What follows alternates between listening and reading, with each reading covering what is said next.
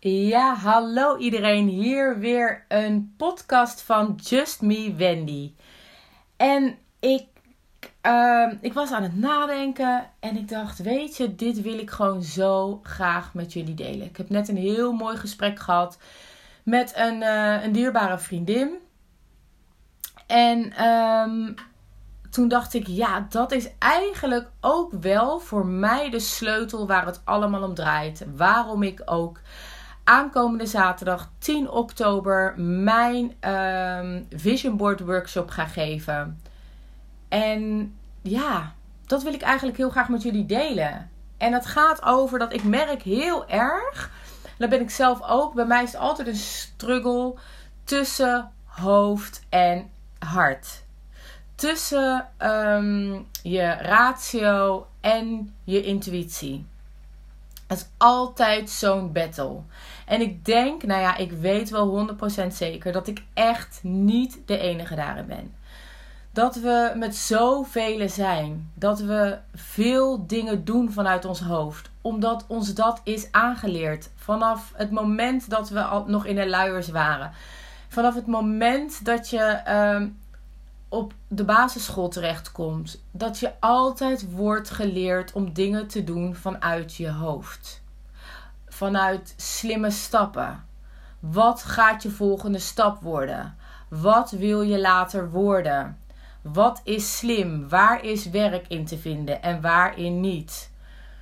Nou, zo kan ik eigenlijk wel door blijven gaan. The story of my life. En als ik terugkijk, heb ik ook op die manier vroeger mijn leven ingevuld. Met hé, hey, wat is nu slim? Waar is geld in te verdienen?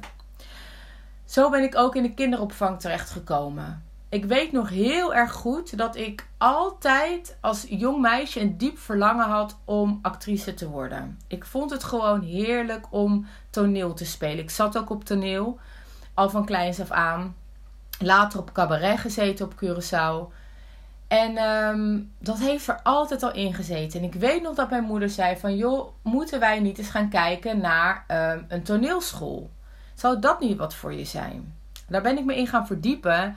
En toen hoorde ik ook weer van andere mensen: ja, maar hè, de kans dat je het gaat maken is zo klein.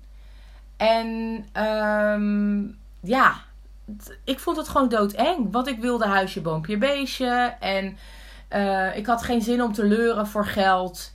En ja, weet je, kinderen van kleins af aan, dat ik al klein ben, ik vond het altijd al super leuk om met kinderen in de weer te zijn. Dus heb ik ervoor gekozen om, net zoals een aantal vriendinnen van mij, de SPW te gaan doen.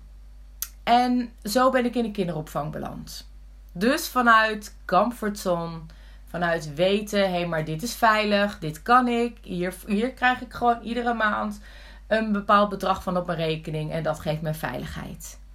En dan ga je doen wat het standaard norm is eigenlijk. Samen met je vriend een appartementje kopen, kindje, trouwen. Vanuit daar je eerste huis kopen. Nou ja, dat soort dingen. En uiteindelijk kom je op een leeftijd dat het blijft knagen. Velen van jullie zullen dat echt wel herkennen. Dat je in een baan zit en dat je eigenlijk al weet: joh, zie ik mezelf dit gewoon doen tot mijn 67ste. En als je nog jong bent, dan heb je gewoon continu nog zoiets van: nee, maar uiteindelijk ga ik wat anders doen. Ik weet het nu nog niet. Uh, ik heb nog tijd zat om te bepalen. En, um... Maar dan word je steeds ouder en merk je als je blijft, als je ergens blijft waar je vuurtje niet van aanwakkert. Waar je iedere ochtend met een knoop in je maag dat je denkt: oh, ik moet er weer naartoe gaan. Was het al weekend? Uiteindelijk uh, zorgt dat ervoor dat je uitgeblust bent en dat je niet meer kan. En um, er zijn ook genoeg mensen die daarnaar kijken en die dan vragen. Ik heb dat echt al een aantal keren gehad. Die dan aan je zeggen van, oh maar hoe oud ben je? Oh ja, de midlife crisis noemen ze dat dan. En uh, ja, nee, dat is zo'n leeftijd van dat je gaat kijken van, oh ja, maar ik heb niet meer zoveel tijd en wat wil ik nu, dit en dat deels zit, daar zit deels wel een waarheid in natuurlijk. Omdat je dan gaat denken van ja, waar je continu nog dacht, joh, ik heb zeeën van tijd en dit voelt nog lekker veilig. Want mijn kinderen zijn nog klein en mijn zekerheid en mijn dit en mijn dat. Dus laat ik dit nu nog maar blijven doen. Naar oké, maar als ik nu echt verandering wil, dan zou ik nu een keuze moeten maken. Want ik word er ook niet jonger op. Dus daar zit zeker wel een waarheid in. Maar moet ik weer eventjes terug, wat ik nou wilde zeggen tegen jullie, is waar het uiteindelijk om draait, is nee, je komt op een gegeven moment op een bepaalde leeftijd dat je gaat denken van, maar wat gaat er nu gebeuren als ik loslaat? Wat gaat er nu gebeuren als ik ga ontdekken, ja, maar waarvoor ben ik hier? Waarvoor ben ik hier? Want je voelt diep van binnen, ja, maar dit is het niet. Dit is mooi geweest, want dit heb ik nodig gehad om. Maar het is niet uiteindelijk waarvoor ik hier ben. Want ik sta ochtends niet op. Yes, ik mag weer en ik vind het super leuk. En er zijn zat mensen die daar genoegen mee nemen. En die denken, ja, maar ja, uh, werk is nou gewoon eenmaal nodig om de rekeningen te betalen. En uh, uh, kijk, mijn echte plezier haal ik uit mijn gezin. Mijn echte plezier haal ik uit mijn reizen, uit dat soort dingen. Maar ja, mijn werk is gewoon mijn werk. Er zijn zat mensen die daar genoegen mee nemen. Maar ik weet ook uit ervaring en vooral de mensen die ik nu allemaal leer kennen, dat er zat mensen zijn die diep van binnen voelen: ja, maar luister, daar neem ik geen genoegen mee. Want ik wil juist wel dat vuurtje voelen. Ik wil wel voelen van ja, maar dit hiervan ga ik op aan. Dit vind ik tof om te doen. Maar hoe kom je daarachter? Dat is een van de grootste vragen en ook een van de grootste struggles waar ik altijd mee heb gestruggeld. Hoe kom je erachter wat je in godsnaam leuk vindt? En uh, is het al de bedoeling dat het allemaal al een kan en kruik is en dat je nu al gewoon weet wat je leuk vindt? En daarop is mijn vraag: nee. Als jij nog steeds niet weet van ja, maar ik weet in ieder geval één ding weet je wel. Datgene wat je nu doet, dat is het niet. Want daarvan gaat jouw hart niet sneller kloppen. Dat zuigt alleen maar energie in, in plaats van dat het je energie geeft. Dat is al zo'n grote stap. De volgende stap wordt experimenteren. Want als ik terugkijk naar toen ik weg ben gegaan bij de kinderopvang en waar ik nu sta, is het gewoon één groot experiment geweest. Want er is niemand in mijn familie die hetzelfde pad heeft gelopen. Er is niemand in mijn familie die mij kan vertellen: Wendy, ik heb dat ook gedaan en ik heb het zus en zo gedaan. Nee, ik heb geen voorbeeldrollen hierin. Van mensen die hetzelfde hebben meegemaakt of hetzelfde pad hebben bewandeld als die ik nu bewandel. Dus wat heb ik moeten doen? Ik heb moeten experimenteren. Ik heb moeten kijken van hé, hey, wat voelt goed voor mij? Waar gaat mijn hart sneller van kloppen? En ja, dat is met vallen en opstaan. En iedereen die zegt van, en die van die prachtige verhalen kan vertellen van, joh, en toen ben ik daar weggegaan en ik zag het licht en ik eh, kreeg dat te horen en ik ben dat gaan doen. Nou, sindsdien, er is geen dag meer dat ik uh, opsta met een knoop in de maag. Bullshit. Ja, sorry dat ik het zeg, maar dat is bullshit. Want iedere level, je komt jezelf continu tegen. Ook als je op een bepaald pad bent, dat je hart sneller gaat kloppen. Dat je weet van, hé, hey, maar dit vind ik gaaf om te doen. Ook dan komen de momenten dat je lives gaat krijgen. Dat je voor bepaalde momenten, je eerste, ik noem maar wat, één op één coaching. Dat je denkt, oh mijn god, ik moet het waar gaan maken. Mijn eerste reading die ik aan iemand gaf. De eerste keer dat ik een foto las van een dierbare die overleden was, ik voelde zo'n grote druk op mijn schouders. Dus weet je, er zijn altijd momenten dat je die druk voelt. Maar omdat er diep van binnen dat kleine vlammetje brandt. Omdat je weet van, oeh, het is rete spannend wat ik aan het doen ben. Maar toch voel ik, ik word daar naartoe getrokken als een magneet.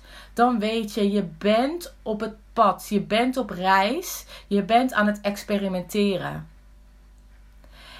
En juist als je op dat pad zit dan weet je, ik zit dicht bij het vuur. Ik ga richting mijn soul purpose, zoals ze dat noemen. En dat dat kan veranderen, want een soul purpose is iets heel groots. Uh, dat mensen denken: oh ja, maar heb ik dan maar één soul purpose? Is er dan maar één ding voor mij weggelegd? Nee.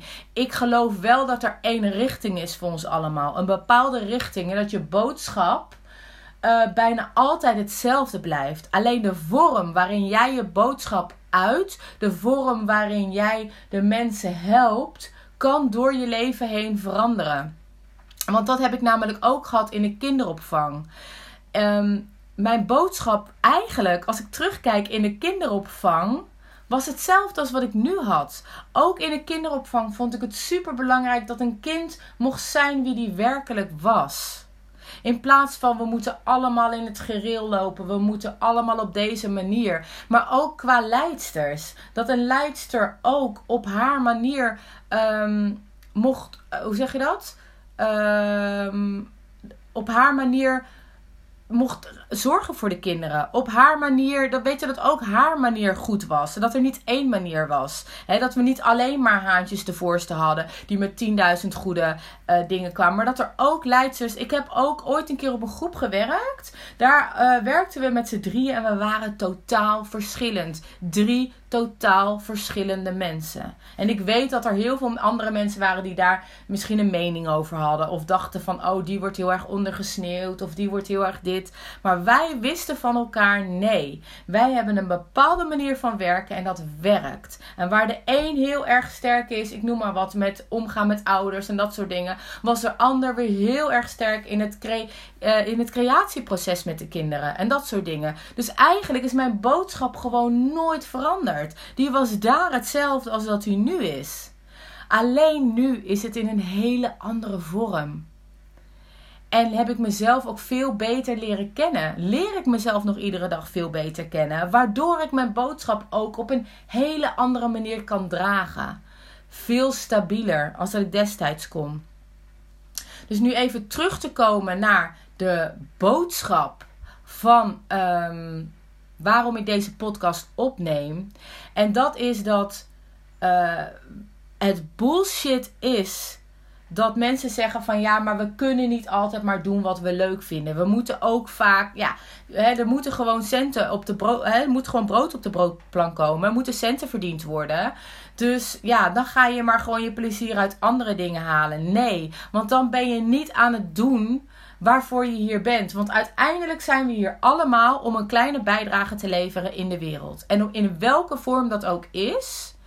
Um, kijk, ik uh, zit dan heel erg op de ondernemer, op degene hè, qua um, in je baan, wat je daarin wil uiten. En het zijn, mijn klanten zijn allemaal mensen die iets willen betekenen in de wereld. Maar dat kan natuurlijk ook op een ander vlak. Maar ik bedoel gewoon te zeggen dat als jij iets doet vanuit tegenzin als jij iets doet omdat je denkt dat het zo hoort, omdat dat het, de veiligste manier is. En dan moet je jezelf afvragen: waarin saboteer ik mezelf? Klopt het? Die angsten zijn die gebaseerd op de waarheid. Want het zijn vaak verhalen die jij jezelf vertelt om maar gewoon lekker in je kokonnetje te blijven. Om maar gewoon lekker in je comfortzone te blijven. Want dat is zo super veilig. Maar de ware magie de ware magie ligt daarbuiten. En dat gaat soms gepaard met, nou vaak gepaard met knikkende knieën, broekpoepmomenten. Momenten dat je even midden op zee zit en er komt gewoon geen wind. Je gaat niet vooruit en je denkt, en nu? Ik zit hier midden op zee. Wat moet ik doen? Dat zijn de, de momenten dat, um, dat er even niks is, dat je niet vooruit komt. En juist dan die vertrouwen houden. Juist die vertrouwen houden ehm, dat er betere tijden aan gaan komen. Dat er ingevingen gaan komen. Dat je door blijft gaan. En als je dat houdt, er komt altijd wel weer een frisse wind. Al is het van links of is het van rechts, is het van achter of is het van voor. Er komt altijd weer een wind waardoor jij je zeilen kan aantrekken. Maar het is belangrijk dat je naar binnen keert. Dat je gaat fantaseren. Dat je gaat kijken, hé, maar waar word ik nou blij van? Start bij de kleine dingen. Start met stap 1. Waar word ik niet blij van? En vaak het tegenovergestelde is dan hetgene wat je wel leuk vindt. Als je dat gaat uitzoeken voor jezelf, gaat de stip aan de horizon steeds duidelijker worden. Want mensen fantaseren. Fantasie is sleutel, dat is de sleutel tot manifesteren. En uh, manifesteren doen we altijd, dat klopt. Maar eens manifesteren zoals uh, jij dat wil. Dat je uh, een manifestatieproces gaat sturen. En dat start allemaal met fantaseren. En dat wordt ons al van kleins af aan verteld. Van haal je hoofd uit de wolken. Dat is niet gebaseerd op de werkelijkheid. En uh, het wordt ons als klein kind wordt het al van ons afgenomen. Vooral als we groter gaan worden. We zijn, je bent een fantast. Um, uh, het is niet gebaseerd op de werkelijkheid. Allemaal dat soort dingen. En waardoor we dus niet meer durven te dromen. Waardoor we dus denken dat dingen veel te moeilijk zijn. Waardoor we uh, door de beren op de weg onze fantasie loslaten. Omdat dat toch niet realistisch is. En daarin voel ik heel duidelijk een, een, een, een, een missie. En voel ik bij mij echt een zielsverlangen om juist dat proces, juist dat experimenteren, juist dat fantaseren, juist dat dromen, zo sterk weer naar boven te halen. Want als dat super sterk is en je hebt er zo'n vertrouwen in dat het gaat gebeuren, dan is jouw stip aan de horizon zo duidelijk dat het maakt niet uit als er even geen wind komt. En het maakt niet uit als je even een hele andere kant uit wordt uh, geblazen door de wind. Het maakt niet uit als er, als er golven zijn van wel 10 meter hoog. Want jij weet waar je naartoe moet. En als je even moet bijsturen, ook al duurt het iets langer, het maakt niet uit. Jij weet waar je naartoe moet.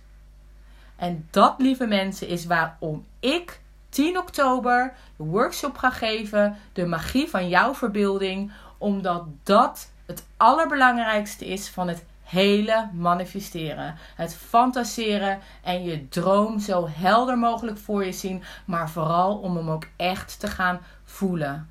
Dus durf weer te spelen. Durf weer te fantaseren. Zie het voor je. Het kan nog groter en nog groter. Maar voel diep van binnen. Als je dat verlangen voelt. Als je dat vlammetje zo duidelijk voelt branden van binnen. Fuck it wat anderen ook zeggen. En ook al zegt je hoofd van dit is niet haalbaar van, voor me, weet je, dat is oké dat je door die fases gaat. Dat je hoofd het er niet mee eens is. Dat hij allemaal beren op de weg ziet. Dat mag er ook zijn. Maar probeer altijd weer naar dat gevoel te gaan. En daar zijn verschillende technieken voor. Waaronder ik zeker als jullie daarin geïnteresseerd zijn, die wil ik absoluut met jullie gaan delen. Waardoor je weer stapje voor stapje bij dat kindsdeel kan komen. Bij dat fantaseren, bij dat dromen. En beetje voelen van hé, hey, het is mogelijk. Want uiteindelijk ben jij hier niet voor niks op aarde gekomen met een bepaald verlangen. Dat verlangen, dat kleine zaadje zit er niet, niets voor niks. Het is niet iets wat er zomaar. Ja, ik heb het ooit een keer gezien en uh, ja, het leek me ook wel lachen. Nee, het is iets van binnen. Wat misschien iedere keer wel weer een andere vorm aanneemt. Maar de essentie en de boodschap daarvan blijft altijd hetzelfde. Ga maar eens terug naar je kindertijd, wat je altijd leuk vond als kind, als tiener. En kijk daar maar eens of je daar een rode draad van kan maken. Want ik weet 100% zeker dat er stipjes zijn die je kan verbinden met elkaar. Een hele fijne dag allemaal en dankjewel voor het luisteren naar deze podcast. Tot de volgende keer.